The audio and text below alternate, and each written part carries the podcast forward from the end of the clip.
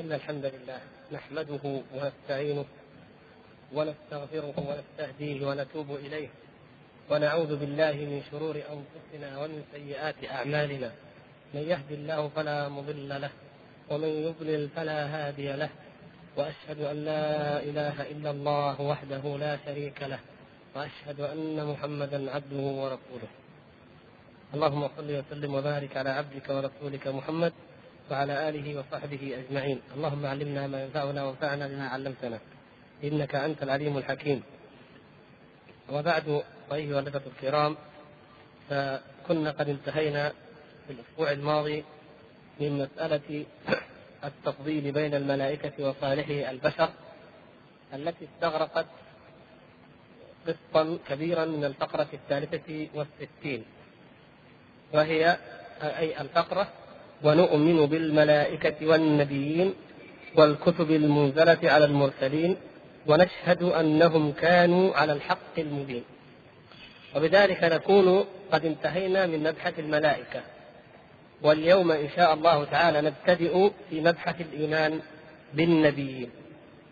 شرحا لقوله ونؤمن بالملائكة والنبيين. فنبدأ في قوله رحمه الله الإمام أبو جعفر الطحاوي والنبيين.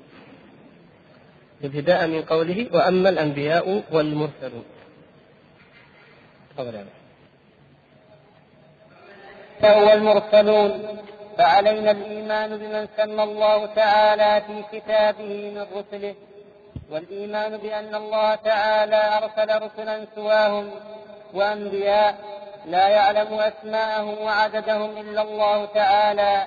الذي أرسلهم فعلينا الإيمان بهم جملة لأنهم لم يأتي في عددهم نص.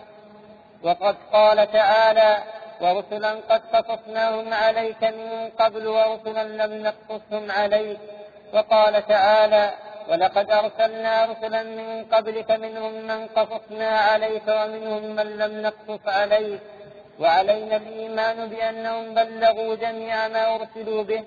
على ما أمرهم الله به وأنهم بينوا بيانا لا يسع أحدا ممن أرسلوا إليه جهلة ولا يحل خلافه.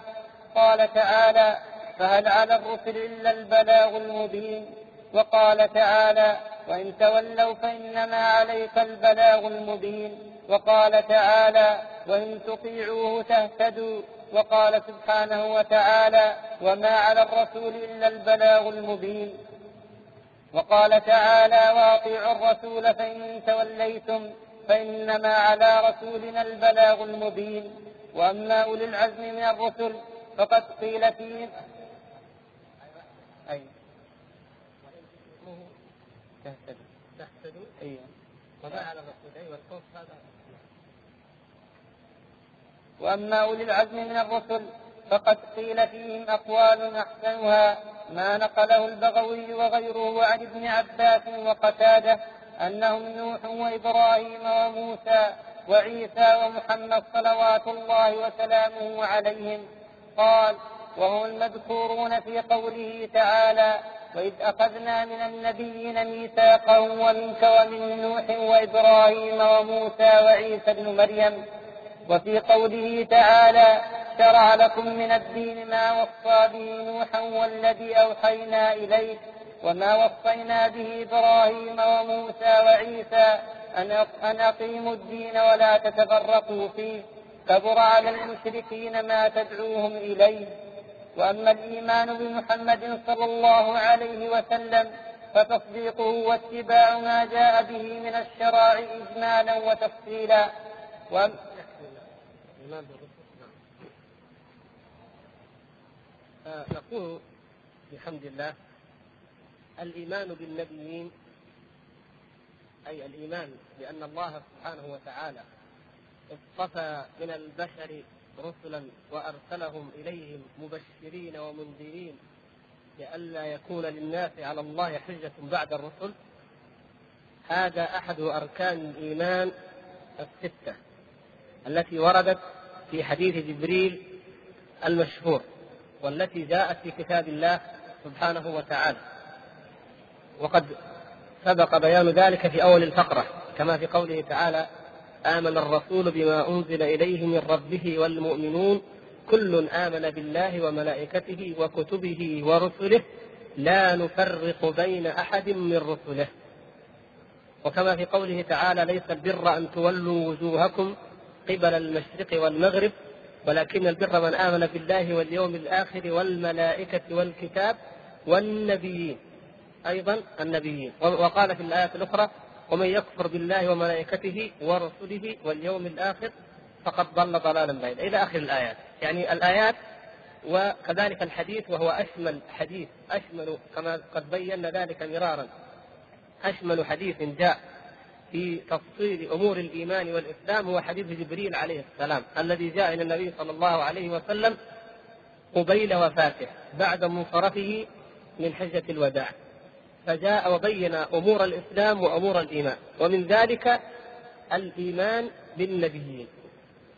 فمن لم يؤمن بالنبيين فليس بمؤمن لا يعد من جملة المؤمنين بل هو كافر حتى يؤمن بالنبيين. وتفصيل الإيمان بالنبيين على النحو الذي ذكره الشارح رحمه الله تعالى هنا. أي نؤمن بهم على على الإجمال وعلى التفصيل. أما الإجمال فنؤمن بأن لله تبارك وتعالى رسلا اختارهم واصطفاهم وبعثهم وأرسلهم من العالمين. ونعتقد ونؤمن بأن كل من أخبرنا الله أو أخبرنا رسوله صلى الله عليه وسلم وصح ذلك عنه أنه رسول فنحن مؤمنون مصدقون به. لا نفرق بين أحد منهم. هذا الإيمان المجمل. وأما على التفصيل فهو أن نعلم كل نبي بذاته وباسمه. من سماه الله سبحانه وتعالى منهم أو سماه النبي صلى الله عليه وسلم منهم وذكر بعينه آمنا به باسمه وبعينه.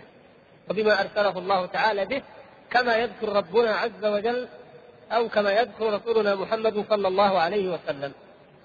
فنؤمن بهم على هذا النحو وهذا الإيمان أيها الإخوة الكرام يجعل المسلم يعلم قيمة إيمانه ويعتز بدينه ويعلم أصالة وعراقة وقدم ركب الإيمان والتوحيد. الرسل جميعا وأولهم آدم عليه السلام. وهو نبي. كلهم دعوا إلى توحيد الله سبحانه وتعالى. وكلهم جاهدوا في الله سبحانه وتعالى كما أمر الله. وكلهم صبروا على ما كذبوا. وأوذوا حتى أتاهم نصر الله سبحانه وتعالى. وكلهم قيل لهم ما قيل للنبي صلى الله عليه وسلم. ما يقال لك إلا ما قد قيل للرسل من قبلك. فاصبر كما صبر أولو العزم من الرسل. كذلك ما أتى الذين من قبلهم من رسول إلا قالوا ساحر أو مجنون. المنهج واحد. وإن يكذبوك فقد كذبت رسل من قبلك. هكذا قاعدة. يدعو الناس إلى الله سبحانه وتعالى. عندما يواجه منهم العناد والاستكبار والصدود والرد ويقال جئتنا بما ليس عليه الآباء والأجداد جئتنا بالبهتان جئتنا بدعوة جديدة جئتنا بباطل كل ما يقوله الناس فليعلم أنه أو أشد منه قد قيل للأنبياء والرسل الكرام. وهكذا نجد أن الله سبحانه وتعالى يسلي نبيه محمد صلى الله عليه وسلم ويصدره بمثل ما ذكرنا من الآيات وأكثر من ذلك فيجد فيه صلى الله عليه وسلم نجد في ذلك متنفسا وراحة وصبرا. مثل ما قال له الرجل أصل الخوارج الذي لقيه بعد غزوة الأحزاب بعد أن قسم صلى الله عليه وسلم الغنائم فقال اعدل يا محمد. أو قال إنها لقسمة ما أريد بها وجه الله. نسأل الله العفو والعافية. فقال صلى الله عليه وسلم رحم الله موسى قد أوذي بأكثر من هذا فصبر فنجد النبي صلى الله عليه وسلم يتأسى بما جرى للرسل من قبله. وكذلك المؤمنون ودعاة الحق والهدى والآمرون بالمعروف والناهون عن المنكر يتأسون بما قيل للرسل وهم أفضل خلق الله سبحانه وتعالى. فإن قالوا ساحر أو شاعر أو مجنون أو كاهن أو سخروا أو استهزأوا به أو قالوا هو الأبتر أو فعلوا ما فعلوا حتى من قتل وكم قتل من الأنبياء على يد المجرمين وقتل قتل نبي الله تعالى يحيى بن زكريا لماذا؟ من أجل داعرة زانية وكم قتل من الأنبياء على يد أقوامهم. يعني بنو إسرائيل كانوا يقتلون الأنبياء وفي الأخرى يقتلون النبيين. بنو إسرائيل أنفسهم يقتلون أنبياءهم وليس الروم أو المشركون بل هم أنفسهم. يبعث الله سبحانه وتعالى إليهم الرسل منهم يقيم فيهم ليقيموا فيهم التوراة فيقتلونهم وهكذا. فالأنبياء قتلوا منهم من قتل ومنهم من كذب ورد وصد حتى قال صلى الله عليه وسلم ورأيت النبي ومعه الرهط أو الرهيط والنبي ومعه الرجل والرجلان والنبي وليس معه أحد. بعض الأنبياء لم يستجب له أحد ولم يؤمن به أحد. وهكذا سنة دائمة وابتلاء مستمر. وقص الله سبحانه وتعالى علينا من أنبائهم لقد كان في قصصهم عبرة لأولي الألباب. ما كان حديثا يفترى. ليس افتراء بل هي حقائق ووقائع وصدق تقال للعبرة وللاستيعاب في كل ما قصه الله سبحانه وتعالى علينا. فهكذا ركب الإيمان أيها الإخوة الكرام. ركب الإيمان وقافلة التوحيد قديمة وراية التوحيد منذ القدم مرفوعة وطريقها واضحة. فمن تنكب هذا الطريق وانحرف وخرج عنه فإنه قد اتبع غير سبيل المؤمنين. ويوليه الله تعالى ما تولى ويصليه جهنم وساءت مصيرا.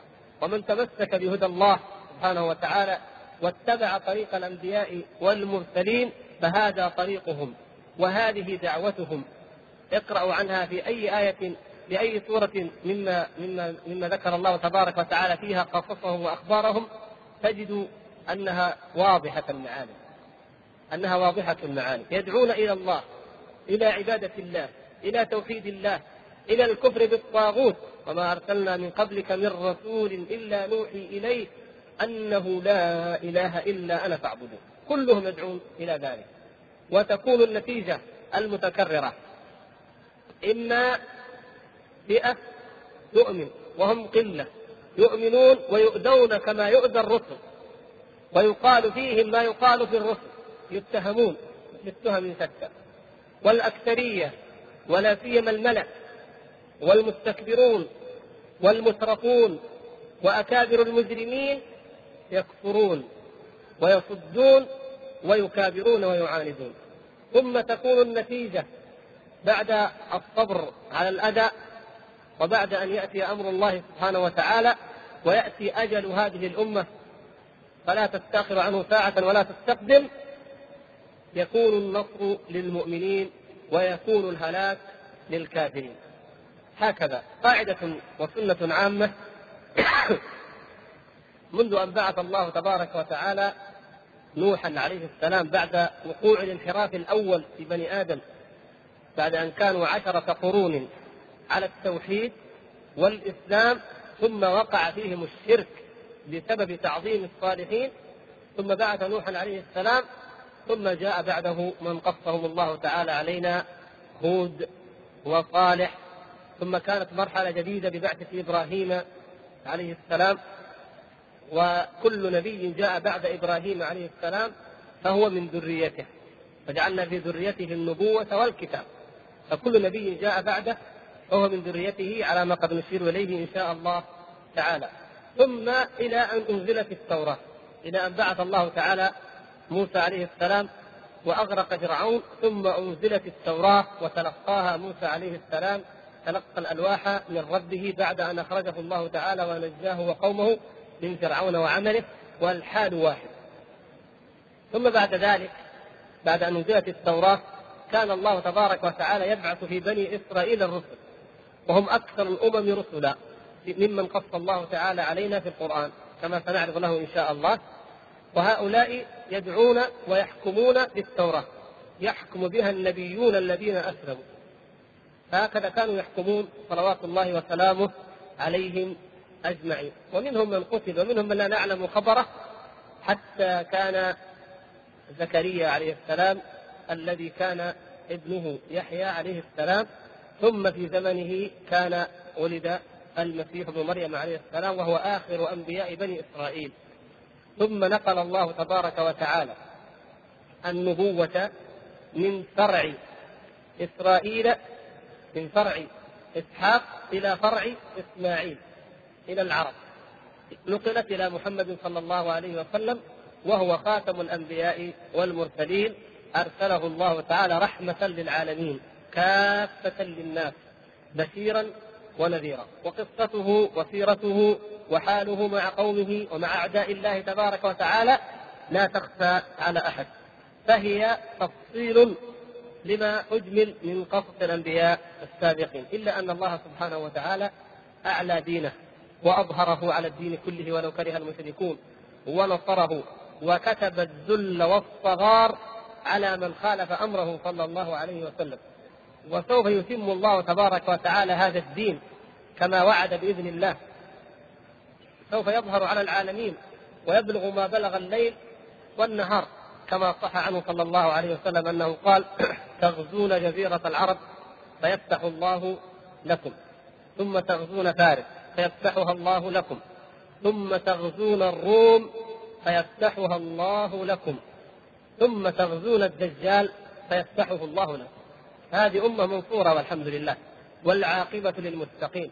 ولقد كتبنا في الزبور من بعد الذكر أن الأرض يرثها عبادي الصالحون على القول بأن الأرض هي هذه الدنيا وما يمكن الله تبارك وتعالى فيها. والحمد لله على ذلك. ولكن أقول نحتاج إلى التذكير بأن هذا النصر وهذا التمكين لا ينال إلا بالتعب والجهد والمشقة والابتلاء كما ابتلي الرسل صلوات الله وسلامه عليهم أجمعين.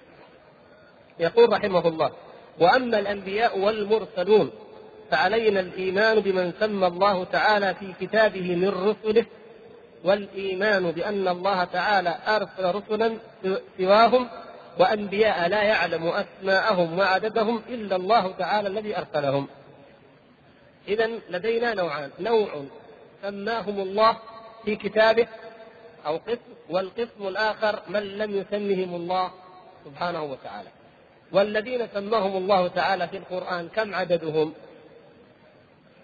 ها؟ خمسة خمسة وعشرون. نعم على القول الراجح أنهم خمسة وعشرون. نجد بعض العلماء يذكرهم بحسب وجودهم وهذه فيها فيها صعوبة فيها إشكال لأن لأنه ترتيبهم ليس من السهل أن يرتبوا لما في بعضهم من الاختلاف.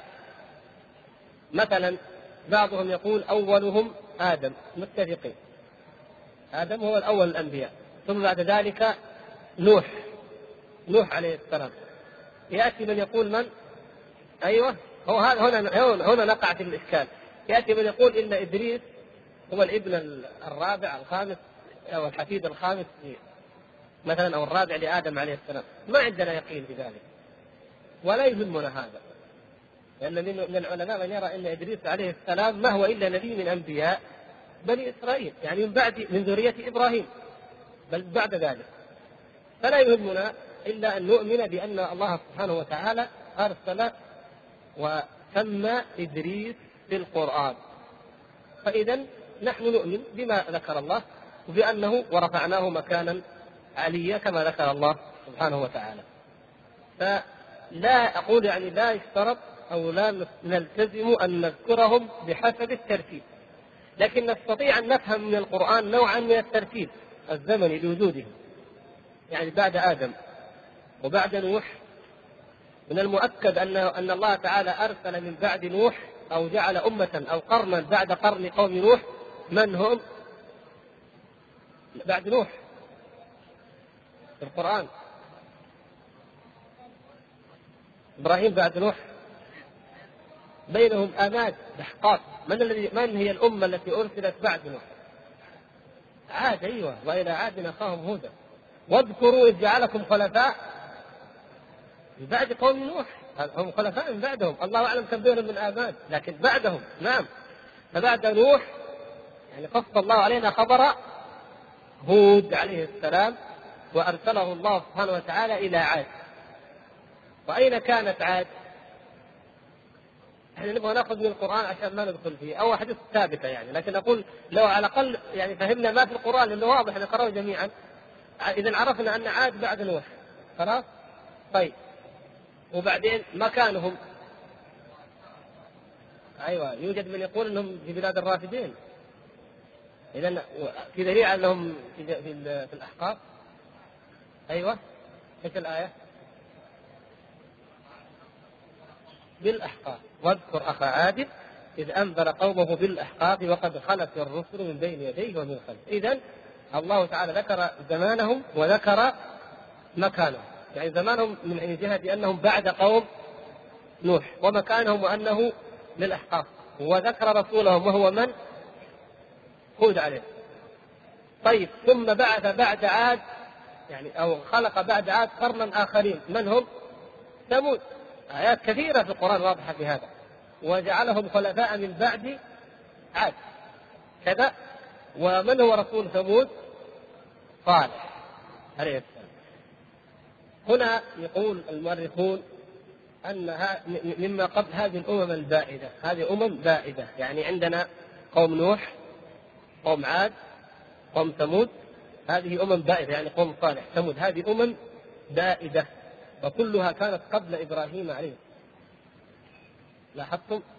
فإذا عندنا من الرسل كم؟ قلنا آدم نوح هود صالح أيوه تمام ثم بعد ذلك آه يعني نجد عندنا يعني على على قول إدريس نذكره على نذكره على القول المهم أنه ما ذكر الله تعالى لنا يعني أنه بعد من ولا قصة قوم لكن نذكره فيكمل لدينا من الأنبياء الآن كم؟ خمسة. لما بعث إبراهيم عليه السلام بعد أن باد من باد وفاد من فان فني من فني إبراهيم عليه السلام هذا رسول أرسله الله سبحانه وتعالى وجعل في ذريته النبوة والكتاب فأول ما ولد له من؟ أول مولود إسماعيل الحمد لله الذي وهبني على الكبر إسماعيل وإسحاق من هو الذبيح منهما؟ اسماعيل الكبير. نعم. ابن ابن من؟ ابن إبراهيم أيوه لكن من أمه؟ أمه هاجر. نعم. ابن أول ما ولد لهاجر. طيب فجاء له اذا إبراهيم. إسماعيل إسحاق. وكان له ابن أخ وهو من؟ لوط. جميل. لوط هذا في زمنه. لوط معه معه. فآمن له لوط آمن لمن؟ لإبراهيم عليه السلام يعني فكان معه نجد أن الله سبحانه وتعالى ذكر عن قوم رسول آخر أصحاب مدين ماذا قال نبيهم؟ من هو نبيهم أول شيء؟ شعيب طيب هذا خمسة ها؟ شعيب ماذا قال لقومه؟ وما قوم لوط منكم ببعيد طيب هل قوله ببعيد يعني ما هم ببعيدين تاريخيا تاريخيا يعني بعث أنا أرسلت بعد لوط فيكون شعيب اذا قريبا من عهد إبراهيم فلا يكون الذي ذكر أن أن موسى عليه السلام لما توجه تلقاء مدين قابل امرأتين قطعا ولا لا؟ وين إبراهيم من موسى؟ على هذا القول آلاف بعيدة آلاف أو ألفي سنة تقريبا، إذا لا يكون ذلك ها؟ وإن كان يقول وإن كان مراد بقوله يعني قول شعيب عليه السلام وما قوم لوط منكم ببعيد. أي قريبون لأن مدين فين؟ فين مدين؟ شمال جزيرة العرب. وأين كان قوم لوط؟ سدوم وعمورية. قريب منهم. فإذا قريب يعني أرضهم قريبة. وإنكم كما في قوله وإنكم لتمرون عليهم مصبحين وبالليل وإنهما لبإمام مقيم. يعني معروفة. قريبة وأيضا أنتم تعرفونهم يعني ما هم بعيدين عنكم تعرفون تاريخهم والله أعلم. إنما المراد إن إحنا ذكرنا هنا كان نذكر شعيبا أيضا إذا قلنا إبراهيم إسماعيل إسحاق لوط شعيب. خمسة هناك كم؟ خمسة. هؤلاء عشرة. بعد ذلك إسحاق الذي الذي في فرعه كان أكثر الأنبياء. في فرع إسحاق طبعا. ولد له من؟ طيب وبعدين؟ تفرع الأصفار تفرعت يوسف عليه السلام قال إني رأيت أحد عشر كوكبا والشمس والقمر. أحد عشر ولد. ويوسف الثاني عشر. هؤلاء اثنا عشر. تسأل اثنا عشر تفرقت. هؤلاء هم بنو إسرائيل. يوسف عليه السلام إذا نبدأ بمن؟ بن يعقوب الأب. بعد يعقوب الأب مين يكون؟ يوسف. يوسف عليه السلام لأنه هو أفضلهم. ثم بعد ذلك الأصباط لم يقص الله تعالى لم يذكر الله تعالى لنا أسماء وإنما ذهب إسماعيل وأهله وسكنوا مصر ثم بعد ذلك كان تنافروا وتكاثروا حتى بعث الله تعالى من؟ موسى. لا في مصر حتى بعث الله تعالى موسى عليه السلام. ولقد جاءكم يوسف. نعم.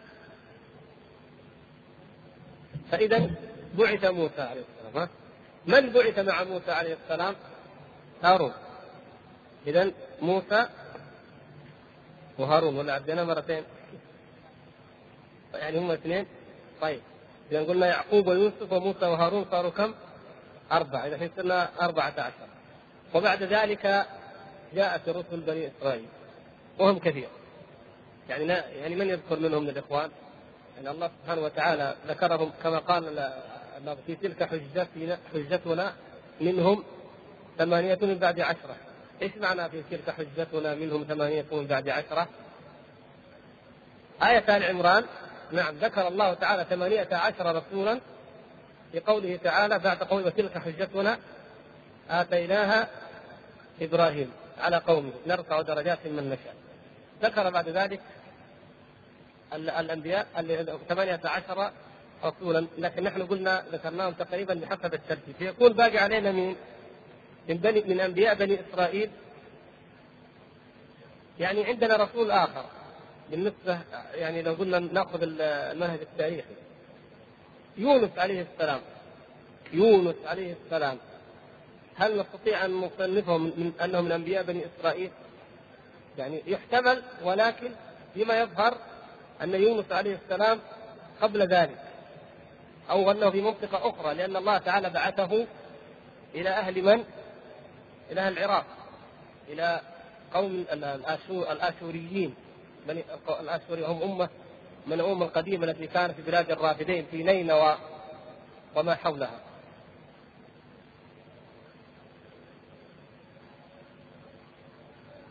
فيبدو والله أعلم أنه قبل ذلك اذا أيضا نذكر من؟ يونس عليه السلام. نذكر أيوب. أليس كذلك؟ كتبتم؟ طيب أيوب يونس نقرا لأن وبعدين يأتي داوود وداود جعل الله تعالى له خليفة وابن الرسول وهو من؟ وهو سليمان عليه السلام. وبعد ذلك إلياس واليسع وذا الكفر إلياس واليسع وذا الكفر ثم يأتي الثلاثة الأنبياء المعروفون المشهورون من بني إسرائيل وهم زكريا وابنه يحيى عليهما السلام ثم كان عيسى عليه السلام. نعم. هؤلاء ثلاثة.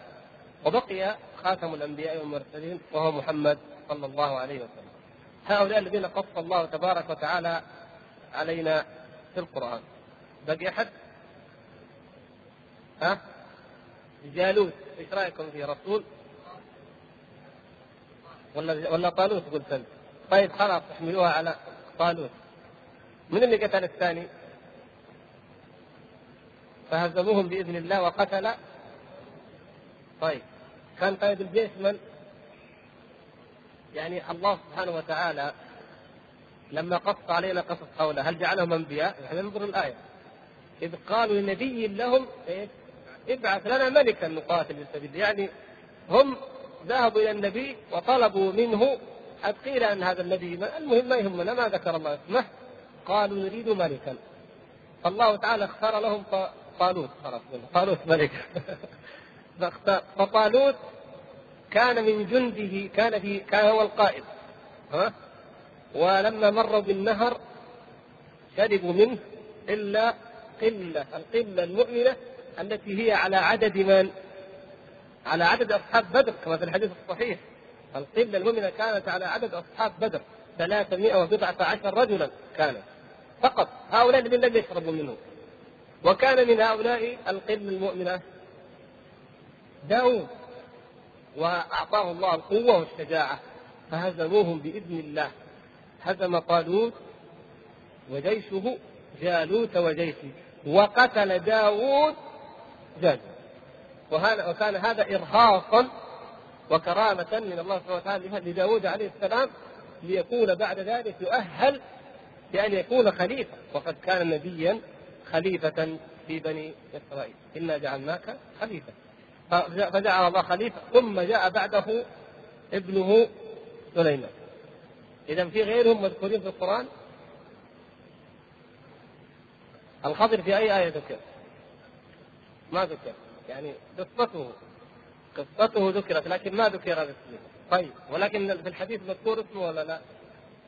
أيوه نعم. اسمه الخضر في الأحاديث الصحيحة. طيب ما ذكر؟ غيره؟ ها؟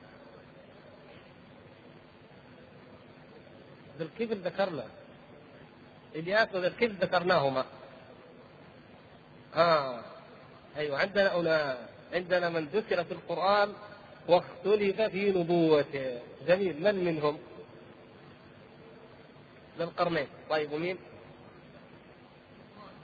ولقمان. أحسنت. لا خلاص خضر قلنا مرة. خضر ما ذكر. قلنا ما ذكر. زيد ومين كمان؟ تبع. تبع صح. حتى تبع قوم تبع قيل أن قوم تبع يعني هل قوم تبع بمعنى أن تبع رسول أو قوم تبع يعني أنه ملكهم. المقصود أن هؤلاء نحن نؤمن بمن؟ بهؤلاء الخمسة والعشرين. هؤلاء تقريبا هم محل الإجماع. وأما من عداهم فيكفينا أن الله سبحانه وتعالى قال ورسلا قد قصصناهم عليك ورسلا لم نقصصهم عليك. فغيرهم كثير. غير هؤلاء كثير.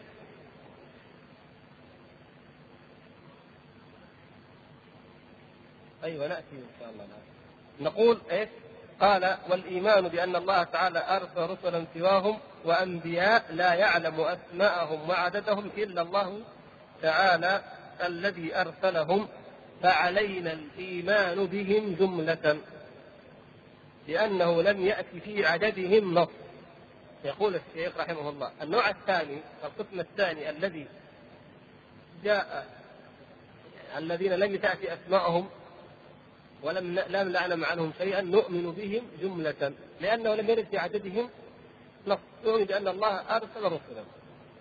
وهنا نأتي عند كلمة لم يأتي نص. هل لم يأتي نص ولا لم يصح نص؟ يعني هل لم ولم يأتي تعني بمعنى لم يرد بالمرة. أو لم يأتي يعني لم يصح عندي. فلذلك يعتبره كأن لا شيء. كأنه لم يرد بالمرة. لأن ما لم ما لم يصح فلا اعتبار له. فمن يذكر من الإخوان أتابهم الله شيئا في هذا؟ حديثا في هذا. في عد الأنبياء. أيوة. أيوة. حديث من؟ أيوة يعني هو مشهور بأنه حديث من؟ الصحابي اللي رواه. حديث أبي ذر. حديث أبي ذر أنه سأل النبي صلى الله عليه وسلم يا رسول الله كم كم الأنبياء؟ فقال مئة وعشرون ألفا وأربعة آلاف أو مئة ألف وأربعة وعشرون ألفا قال كم الرسل منهم؟ قال ثلاثمائة وبضعة عشر جم غفير هذا حديث أبي ذر رضي الله تعالى عنه يسمى حديث أبي ذر يعني كذا مشهور عند الباحثين أو انه يعني هل هل ترى صحة حديث أبي ذر أو ما تراه؟ يعني معروف إن رأيت إن قلت إنه صحيح فأنت تؤمن بأن الله ابتعث كم؟ 124 ألف من الأنبياء والرسل منهم 317 وإن قلت أن الحديث إن الحديث ضعيف فإذا تكون كما قال الشيخ هنا أن نقول إذا إننا نؤمن بهم جملة لأن الحديث ضعيف وقد ورد في أحاديث أخرى إنهم ثمانية آلاف وهي ضعيفة أيضا وهذه الأحاديث ذكرها ابن كثير رحمه الله في تفسيره وذكرها ذكرها عند هذه الآية نفسها الآية مذكورها التي وقد قال تعالى ورسلا قد قصصناهم عليك من قبل ورسلا لم نقصصهم عليك. أي آية 164 في أواخر سورة النساء. فاذا من يرى صحة الحديث وأذكر ولا لا, لا لم أراجعه الحقيقة قريبا لكن أذكر أن الإمام أحمد رضي الله تعالى عنه كان يرى ذلك. أن شيخ الإسلام ذكر لكن ما ما لا تسالوني عن جزء الصفحة لأني ما رجعتها من قريب أن شيخ الإسلام ينقل عن الإمام أحمد رحمه الله أنه كان يرى أن عدتهم كما ذكر كما جاء في حديث أبي ذر فهو رضي الله تعالى عنه يرى صحة الحديث. ومن العلماء من لا يرى. فعلى أي حال يكون نحمل قول الشيخ هنا لأنه لم يأتي في عددهم نص بأن المراد لم يصح لم يصح عنده هو نص. نعم. أما الورود فقد ورد ذلك. والحديث الوارد بأنه ثمانية آلاف هذا ضعيف. يعني نستطيع أن نقول إنه لا يؤخذ به مطلقا. لكن حديث أبي ذر هو الذي وجد من حسنه بمجموع طرقه. وقال تعالى ولقد أرسلنا رسلا من قبلك منهم من قصصنا عليك ومنهم من لم نقصص عليك. إذا فقد أخبر الله تبارك وتعالى في صريح القرآن أنه أن من الرسل من لم يقصص الله سبحانه وتعالى أخبارهم علينا. إذ القرآن ليس المقصود منه الاستيفاء يعني لو قارنا وهذه قد تقال وقد قيلت آه، التوراة الموجودة الآن عند الناس. والتي كانت طبعا موجودة عندهم في زمن النبي صلى الله عليه وسلم وما بعده أيام العلماء يرجعون إليها. هذه تأتي بتفاصيل عجيبة جدا ضخمة أفكار كبيرة وفيها تفاصيل لا حاجة لها. حتى أنه يذكر خرج فلان وكم كان معه من الغنم وفين مشى من الطريق حتى وصل إلى كذا. ثم وجد كذا يعني القرآن سبحان الله يعني تجد أن الآيات موجزة وتأتي بمواضع العبرة ولا وتذكر ما لا يعني تغفل ما لا حاجة لذكره وتذكر ما يحتاجه السياق. حتى أنك تجد قصة موسى أو إبراهيم أو غيره في موضع يذكر شيء مجمل وشيء مفصل. أحيانا تجمل القصة كلها أحيانا تفصل أشياء سبحان الله بحسب المقام وبحسب الحال وبحسب وقت الخطاب. إلى آخر ذلك من الاعتبارات الكثيرة. التوراة يعني المحرفة الآن ما ندري كيف كان لكن الموجود الآن سرد طويل وكلام متصل وأحداث تفصيلية لأنبياء بني إسرائيل. طيب لما لا يوجد هذا في القرآن؟ هذا كما ورد في أول سورة يوسف تجدونه في أول السورة أسباب النزول أن الناس أو أن بعض الناس يعني كان يريد شيئا من القصص. اليهود وأيضا بعض الصحابة لما لما قال لهم اليهود ذلك أرادوا من النبي صلى الله عليه وسلم شيئا من القصص. فالتوراة كثير هذا القصص طويل قصه سليمان طويلة وأيوب وغيره. فأنزل الله تعالى سورة يوسف وفيها هذه القصة الطويلة العجيبة ببلاغة لا لا نظير لها على الإطلاق.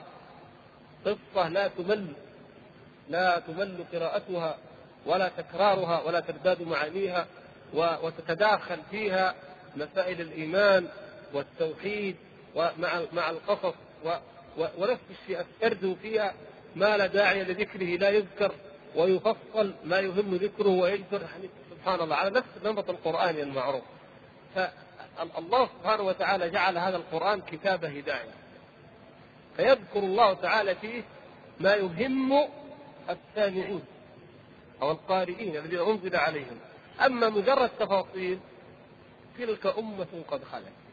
لها ما كسبت ولكم ما كسبتم ولا تسألون عما كانوا يعملون. إيش يهمنا؟ انه كانت عاد كذا وكذا وكذا. ما يهمنا. المهم العبرة. لم يخلق مثلها في البلاد. خلاص.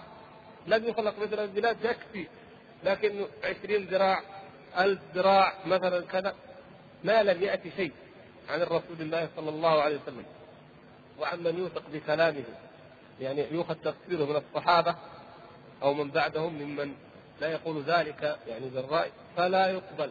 أو لا أو لا يحتاج إليه. أقل شيء نقول لا يحتاج إليه. العبرة قائمة بما ذكر الله تعالى في القرآن وما فصل النبي صلى الله عليه وسلم وصحابته الكرام في تفسير ذلك أو زيادة عليه. كمثلا كما نجد مثلا في قصة الخضر وموسى عليهما السلام.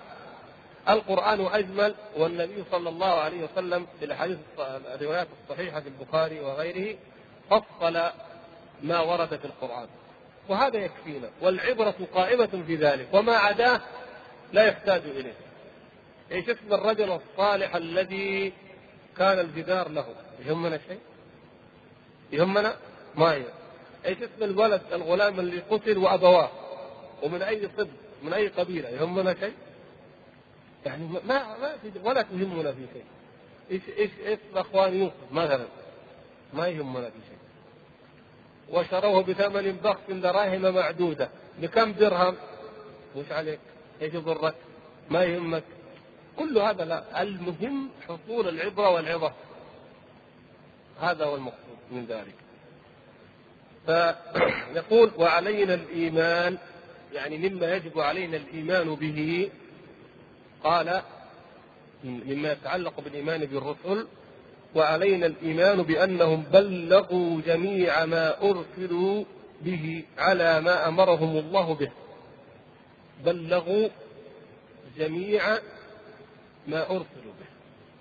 كل ما أوحى الله سبحانه وتعالى إليهم بلغوه لم يكتموا منه شيئا. ولهذا قالت عائشة رضي الله تعالى عنها من جملة قولها ثلاث من حدثك بهن بهن فقد كذب من قال لك إن محمد صلى الله عليه وسلم كتم شيئا مما أوحى إليه ربه فقد كذب. أيمكن أن يكتم النبي ما أوحى الله به؟ لا يمكن. هذا يتنافى مع اختيار الله لهم أن يكونوا رسلا ولهذا تقول لو كان أو قيل لو كان محمد صلى الله عليه وسلم يكتم شيئا من القرآن لكتم إيش؟ آية إيش؟ عبسة ولا الثانية؟ يعني آيات العتاب لكن جاء النص إيش؟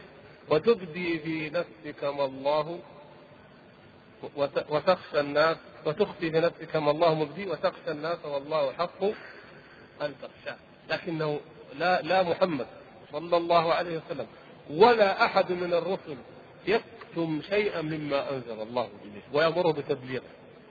بلغ ما وحي يا أيها النبي بلغ ما وحي إليك من ربك. فإن لم تفعل فما بلغت رسالته لا يمكن. والله يعصمك من الناس. فلا مانع. يمنع أي رسول أن يبلغ دعوة الله سبحانه وتعالى. وكتمانه لشيء مما أمر به هذا يتنافى مع كونه رسولا مجتبى مصطفى مختار. فلا يمكن ابدا فمن جملة ما نؤمن به أنهم بلغوا. نعم. وكيف بلغوا؟ على ما أمرهم الله به. يعني بلغوا جميع ما أمر الله به. على ما أمر الله به. على الوجه الذي أمر الله تعالى به. فلم يكتموا شيئا منه أو لم يبلغوه على غير وجهه يعني كأن كأن يوحي الله إلى النبي أن قل هذا لقومك عامة فيختص به طائفة منهم. هذا يكون صحيح؟ لا يمكن ابدا. لا يكون ذلك حقا ولا يقع من الأنبياء. صلوات الله وسلامه عليهم. وفي مثل هذا القول على ما أمرهم الله تكذيب لقول الروافض. الروافض. لأن الله سبحانه وتعالى أمر أنه قال بلغ ما أنزل إليك من ربك أن عليا وصي الله مثلا أو أن عليا كذا. إلى ومن ذلك يقولون العلم الباطن وما في الجفر والجامعة وغير ذلك. فهذه أمر النبي صلى الله عليه وسلم أن يبلغها. ومع ذلك اختص بها أهل البيت. يعني مثل ما يجي ولا أهل الدنيا من الملوك ولا أمراء ولا وزراء ولا تجار حصل له كنز زمين منصب كبير ثروه ومفروض إنه يعطيها الناس الظلمة الجائرين. بدل ما يعطيها الناس كلهم يقول هذا البيت المال لا. فين أولادي وفين عيال العم مثلا الأسرة خاصة هذا على جنب لكم. وبعدين نقسم على الناس الباقي. يعني هذا يفعلها يعني عند الناس في عرف الناس يفعلها المقسطون العادلون أم الجائرون الظالمون؟ الجائرون الظالمون يفعلون هذا. أن يعطوا شيئا من الخير لعامة الناس ويختصوا الأسرة لأنها يعني العائلة والابن سبحان أخي على طريق الحق هنا منتصف الشريف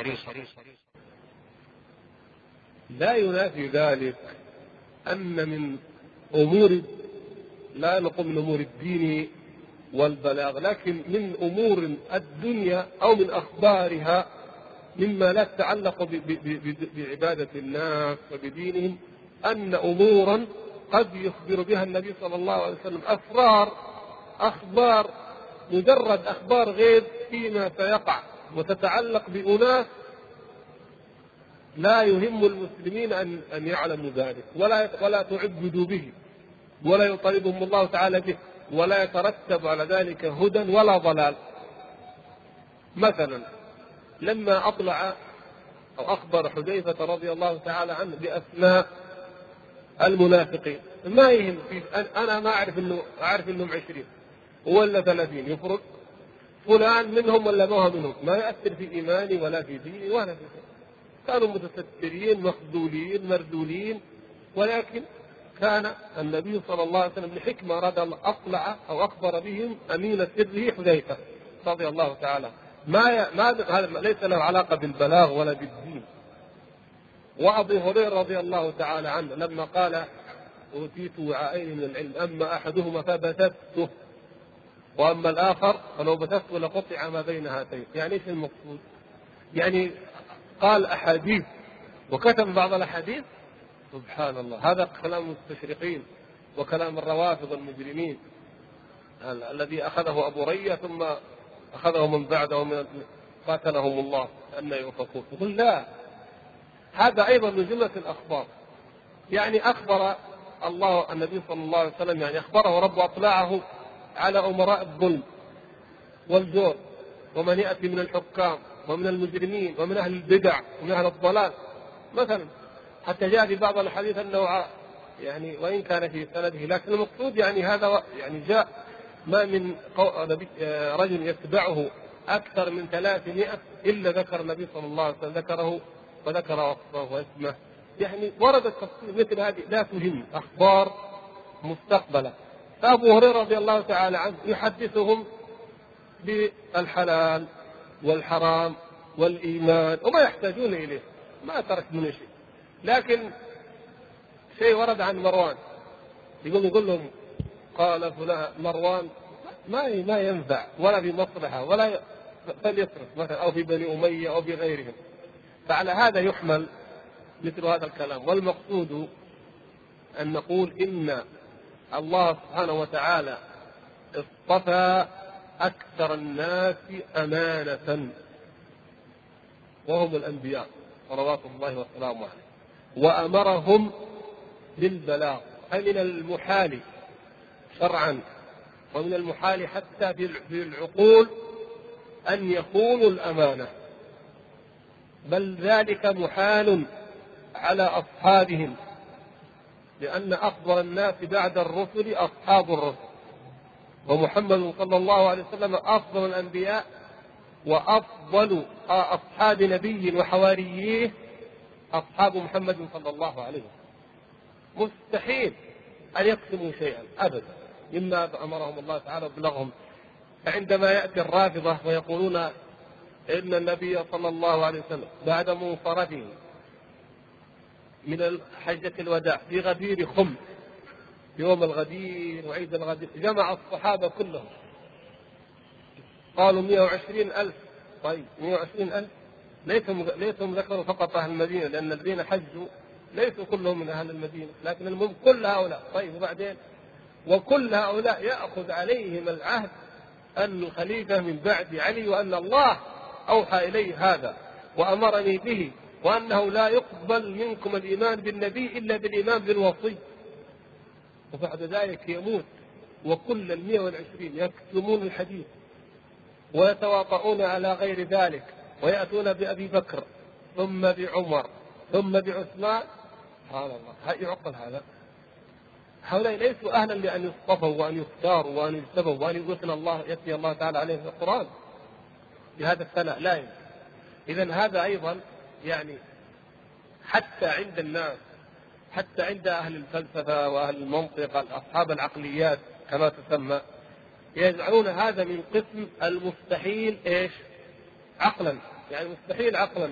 أن أن فئة أمة عظيمة من الناس كلها تتواطأ على أمر بحيث أن لا أحد منهم يقوله. يعني هذا أو أو أنهم كلهم يتواطؤون فيقولون غير الحق وهم بهذا العدد. هذا عادة يعني العقل يحيل ذلك بحسب إيش؟ بحسب العادة لا بحسب التصور. من حيث التصور التصور العقلي يجوز لكن من حيث العادة لا يقع ذلك. لابد أن يتفرقوا. اليهود تفرقوا والنصارى تفرقوا والبوذية تفرقوا. كل فتفرق منهم من يقول ومنهم من لا يقول. لكن أما إطباق كلي على أمر حدث لا يذكر هذا لا, لا يمكن أن يصدق. فإذا وعلينا الإيمان بأنهم بلغوا جميع ما أرسلوا به على ما أمرهم الله به.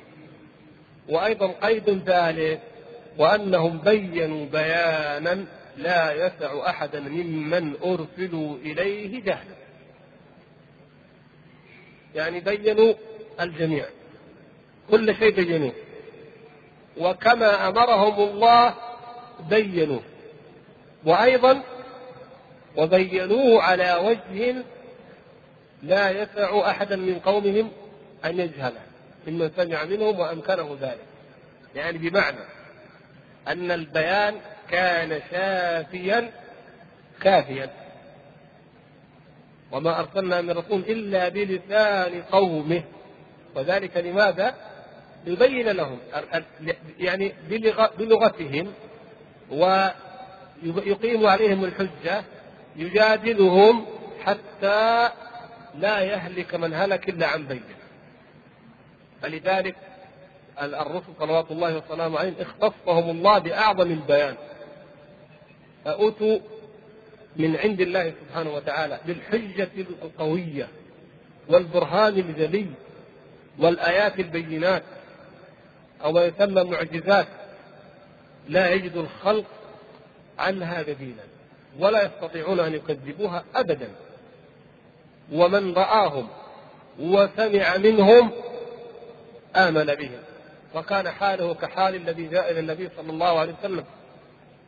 فلما رآه قال والله ما هذا بوجه كذاب. ما يحتاج تسأله ما يحتاج تقول إيش عندك إيش دليلك إيش آيتك؟ والله ما هذا بوجه كذاب. سبحان الله العظيم. المجرم في, في وجهه ترى الإجرام أهل البدعة والله ترى في وجوههم وترى في كلامهم. ولو سمعت لأحدهم يعني لا نعني أي واحد لكن من أعطاه الله البصيرة النور يرى. أما المظلم الذي معطوب على عينيه لا يرى شيء أصلا. لكن من لديه بصيرة يسمع لهم مرة واحدة والله يعلم أن هذه بدعة وإن كان لا يستطيع أن يرد عليها أو كيف يجيب عليها لكن يعلم أن هذا الكلام ليس ليس لأن الله تعالى فطر النفوس على الحق وعلى معرفة الحق وعلى قبوله. وانظروا إلى قصة عجيبة وهي قصة من قصص كثيرة. انظروا إلى السحرة. كيف اجتمعوا؟ مع فرعون. اجتمعوا وأسروا النجوى واتفقوا قبيل المعركة. وهؤلاء وبعدين يا فرعون لنا عندك ابشروا بكل شيء. خلاص؟ يعني ظننوا الاتفاق ما بينهم. وما في خلل ما في خلل في العملية أبدا تكون تطبق بكل نجاح. تنفذ خلاص تنفذ. والوعد موجود. إن أجر لنا أجرا؟ نعم. وإنكم إذا من المقربين ما كل شيء يعني كل شيء متهيئ إلى ما قبل المعركة بلحظات. النفوس مهيئة للانتصار. وهؤلاء شرذمة قليلون وبعدين يوم الزينة والناس محشورون جميعا وأرسل فرعون في المدائن حاشرين وجاء جاء السحرة وجاء الناس واجتمعوا ليروا كيف يتفوق السحرة ويغلبون. ما جاءوا إلا لأجل ذلك وفرعون ما يريد أن يذل. ولذلك أرى أنه إن هزم موسى في قصره فسيعلم بذلك الحاشية والبلاط، البلاط دائما منافق. ما يكفي يعني نريد أن الناس كل الشعب الذين من بعيد الآفاق يرون ان أننا فعلا نحن الغالبين نحن الظاهرين، فماذا كانت النتيجة؟ مجرد أن ألقى عصاه فإذا هي تلقف ما يافكون ماذا قال؟ وقعوا سجدا. السحرة خروا قالوا آمنا برب موسى وهارون.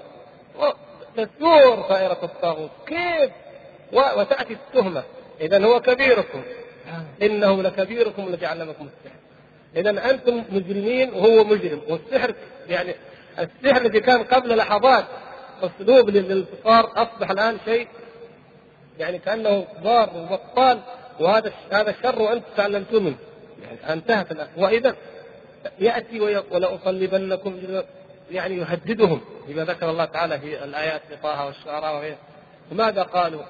قالوا لن نؤثرك على ما جاءنا من البينات والذي فطرنا. اقض ما أنت قاض إنما تقضي هذه الحياة الدنيا. سبحان الله. يعني في هذه اللحظة ينقلب إلى إيمان.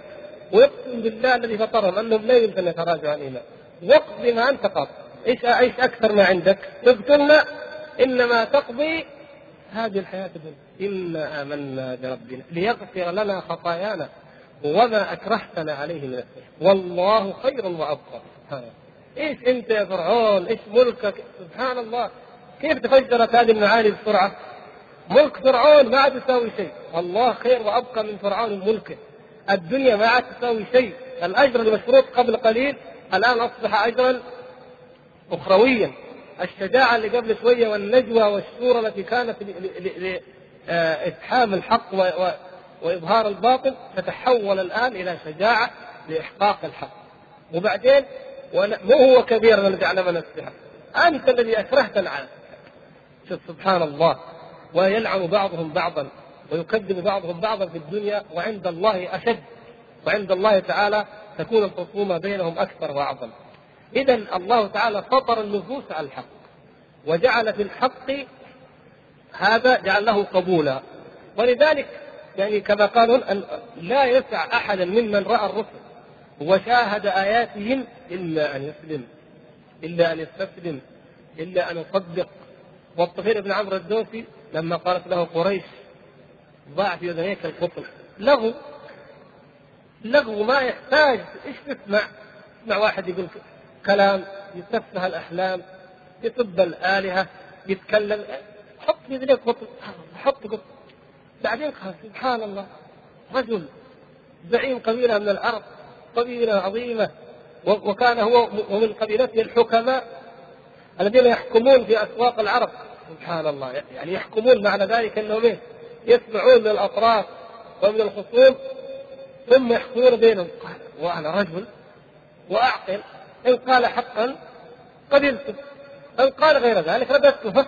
يا محمد قال إيش تقول يا محمد؟ ما في مشكلة. فلما سمع منه آمن. آمن ما يحتاج لأن الحق واضح. جليل. فلا يسع احدا ممن سمع منهم صلوات الله وسلامه عليهم أن يجهله. لأنهم أعطوا البلاغ الشافي والحجج البينات. وهكذا فضل الله سبحانه وتعالى ورحمته بالعالمين أنه أيدهم بذلك ليقطع داجر الشبهات والشكوك ولتقام الحجة فلا يعاندهم إلا المكابر. ما أريكم إلا ما أرى كما قال فرعون وما أهديكم إلا سبيل الرشاد لا. وأضل فرعون قومه. ما هداهم الله بل أضلهم وما هدى. فاذا هؤلاء المكابرون ما عندهم حجة إلا أول شيء المجادلة بالباطل. ما نفعت المجادلة بالباطل عندهم الجواب السيف السجن القتل الصلب بجذوع النقد. ما في غير كذا. القوة موجودة والجيش موجود السجون موجودة والحق غلبنا بالحجة. اذا لابد كما قال ابن القيم رحمه الله في الفوائد لما علق على قصة سلمان قال له أبوه إيش؟ إذا القيد. اذا ما تترك الذهاب إلى الكنيسة. القيد إذا قال وهذا جواب قد أجيب به آه، فلان وقد ثم قال وأجيب به أحمد بن حنبل رضي الله تعالى عنه.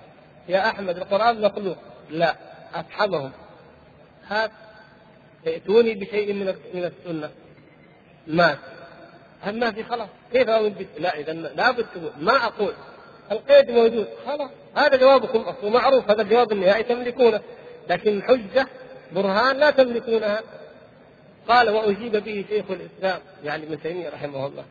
إما أن تقول كما قلنا وإلا في القيد. لا والله القيد فذهب ومات في القلعة رحمه الله. وهكذا يعني في كل زمان ومكان. قال اذا إيش؟ يعني ما بلغه الرسل. لا يسع احدا ممن ارسلوا إليه جهله ولا يحل خلافه. لا يحل لأحد خلاف. وما أرسلنا من رسول إلا ليطاع بإذن الله. سبحان الله يبعثهم الله ليؤخذ أقوالهم. ثم تعرض على العقل فما قبل العقل أخذناه وما سبحان الله. هكذا الله تعالى أرسل الرسل لذلك أرسل الرسل حتى نقول طيب ناخذ أحكامهم. بعدين نتحاكم إلى إلى كعب بن الاشرف إلى طاغوت جهينة إلى فلان ممن ذكر الله في أول السياق ان المنافقين يريدون ان يتحاكموا إليهم إلى قانون نابليون. إلى الدستور إلى القانون المدني إلى اذا لما أرسلهم الله اذا؟ إذا كان التحاكم إلى هؤلاء ابدا ما معنى أنه رسول؟ وما أرسلنا من رسول إلا ليطاع بإذن الله بأمر الله فطاعتهم حق واجب لأنه يبلغون عن الله سبحانه وتعالى فلا يعذر أحد بجهله لوضوح الحجة ولا يسع أحدا أو لا يحل لأحد ان يخالفه لوجوب الاتباع. لوجوب الاتباع. كما أمر الله سبحانه وتعالى. قال تعالى فهل على الرسل إلا البلاغ المبين؟ فإن تولوا فإنما عليك البلاغ المبين. وإن تطيعوه تهتدوا وما على الرسول إلا البلاغ المبين. واطيعوا الله واطيعوا الرسول فإن توليتم فإنما على رسولنا البلاغ المبين. نعم. ما معنى فهل على الرسل إلا البلاغ المبين؟ ما معنى ذلك؟ يعني لا يجاهدون الكفار لا يأطرونهم على الحق أطرا لا يأخذون على يد السفيه كما يقال وقد وقد قيل فقط تقول كلمتك وتمشي والرسل مع رسول البلاغ. الناس اليوم كذا. يا أخي خلاص وعظهم. يقول صلوا إن استجابوا إلا بعد رسول البلاغ. يعني بس لا لا تحاول في آخر وراء ذلك. ليس المقصود بذلك. يعني ليس عليك هداهم. ليس على الرسل هداية يعني هداية إيش؟ التوفيق. يعني ليس على الرسل إيمان أقوامهم. لاحظتم يا إخوان؟ الله تعالى لم يرسل الرسل بغرض أن كل من سمعهم يؤمن لهم. فلهذا لو كان واجب الرسل الواجب على الرسول أن يؤمن قومه لكان بذلك أشد الحرج أن يؤمن كل من سمعه من قومه. لا عليك البلاغ. إن آمنوا فالله تعالى يتولى المؤمنين. إن كفروا فالله تعالى حسيبهم ويتولاهم ما عليك أنت عليك أن تبلغ. حتى الجهاد من البلاغ. الجهاد هو من البلاغ. ونجاهد لنبلغ دعوة الله. لا نرغم أحدا على الإيمان في قلبه لا نطلع أصلا لا نطلع على القلوب. فكيف نملك أن أن نكره؟ أفأنت تكره الناس حتى يكونوا مؤمنين؟ مو معناها فأنت تجاهد الناس لا تجاهدهم. لا. معنى ذلك أن من لم يرد الله له الإيمان ولم يكتبه في قلبه مهما بذلت مهما حاولت مهما اجتهدت لن يؤمن. وما كان لنفس أن تؤمن إلا بإذن الله. لا يمكن. ويجعل الرزق على الذين لا يؤمنون. هناك من كتب الله عليهم الضلالة. فمنهم من هدى الله ومنهم من حقت عليه الضلالة. فهؤلاء الذين حقت عليهم الضلالة وإن يروا كل آية لا يؤمنون. ما يمكن أبدا. أبدا. حتى مهما اشترطوا. قالوا لو نزل علينا كتاب من السماء نقرأه. افتح لنا باب من السماء. لو فتح الباب وعرجوا فيه ورأوا الملائكة ماذا يقولون؟ بل نحن قوم مسحورون. أكيد كنا سحرنا شوية وشفنا إن حلمنا كذا وطلعنا وشفنا وبعدين الآن في محلنا. ما في فائدة يعني ما في فائدة. لأن النفوس غير مستعدة. كتبت عليها الضلالة وقست فلا تجد فالمقصود اذا تطمين الرسل. وتطمين نبينا محمد صلى الله عليه وسلم. ودعاة الخير والهدى على كل زمان أن عليك أن تدعو باللسان وبالجهاد وبكل وسيلة بالمجادلة وبالدعوة الخاصة والدعوة العامة بما تستطيع من وسائل بحسب الإمكان والعصر والزمان تدعو إلى الله. وهذا واجبك. وإلى هنا ينتهي أمرك. ما عدا ذلك ليس لك من الأمر شيء. ما ما يهمك هذا الأمر. ولم تكلف به ولا يخصك ولا يعنيك. وإنما هذا من أمر الله. يهدي من شاء سبحانه وتعالى ويضل من يشاء. وهذا هو المفهوم الصحيح لقوله ما على الرسول إلا البلاغ. فالرسل جميعا إنما أمروا بالبلاغ. وأعطاهم الله تبارك وتعالى وسائل البلاغ بالآيات البينات والحجج الظاهرات القطعيات وأعطاهم الأسلوب المبين في الإفصاح عما يريدون فيقولونه ويلقونه إلى أقوامهم باوجز وأبلغ وأبين عبارة بحسب لسان أقوامهم. ثم بعد ذلك إن آمنوا فذلك فضل الله تبارك وتعالى عليهم. وإن كفروا فذلك من خذلان الله تعالى لهم. وكلهم إلى أنفسهم فخابوا وخسروا. وهو الذي يتولى جزاءهم سبحانه وتعالى. يعني لست عليهم بمسيطر وامثاله هذا المقصود بها. الله تعالى هو الذي يحفظهم ثم إن علينا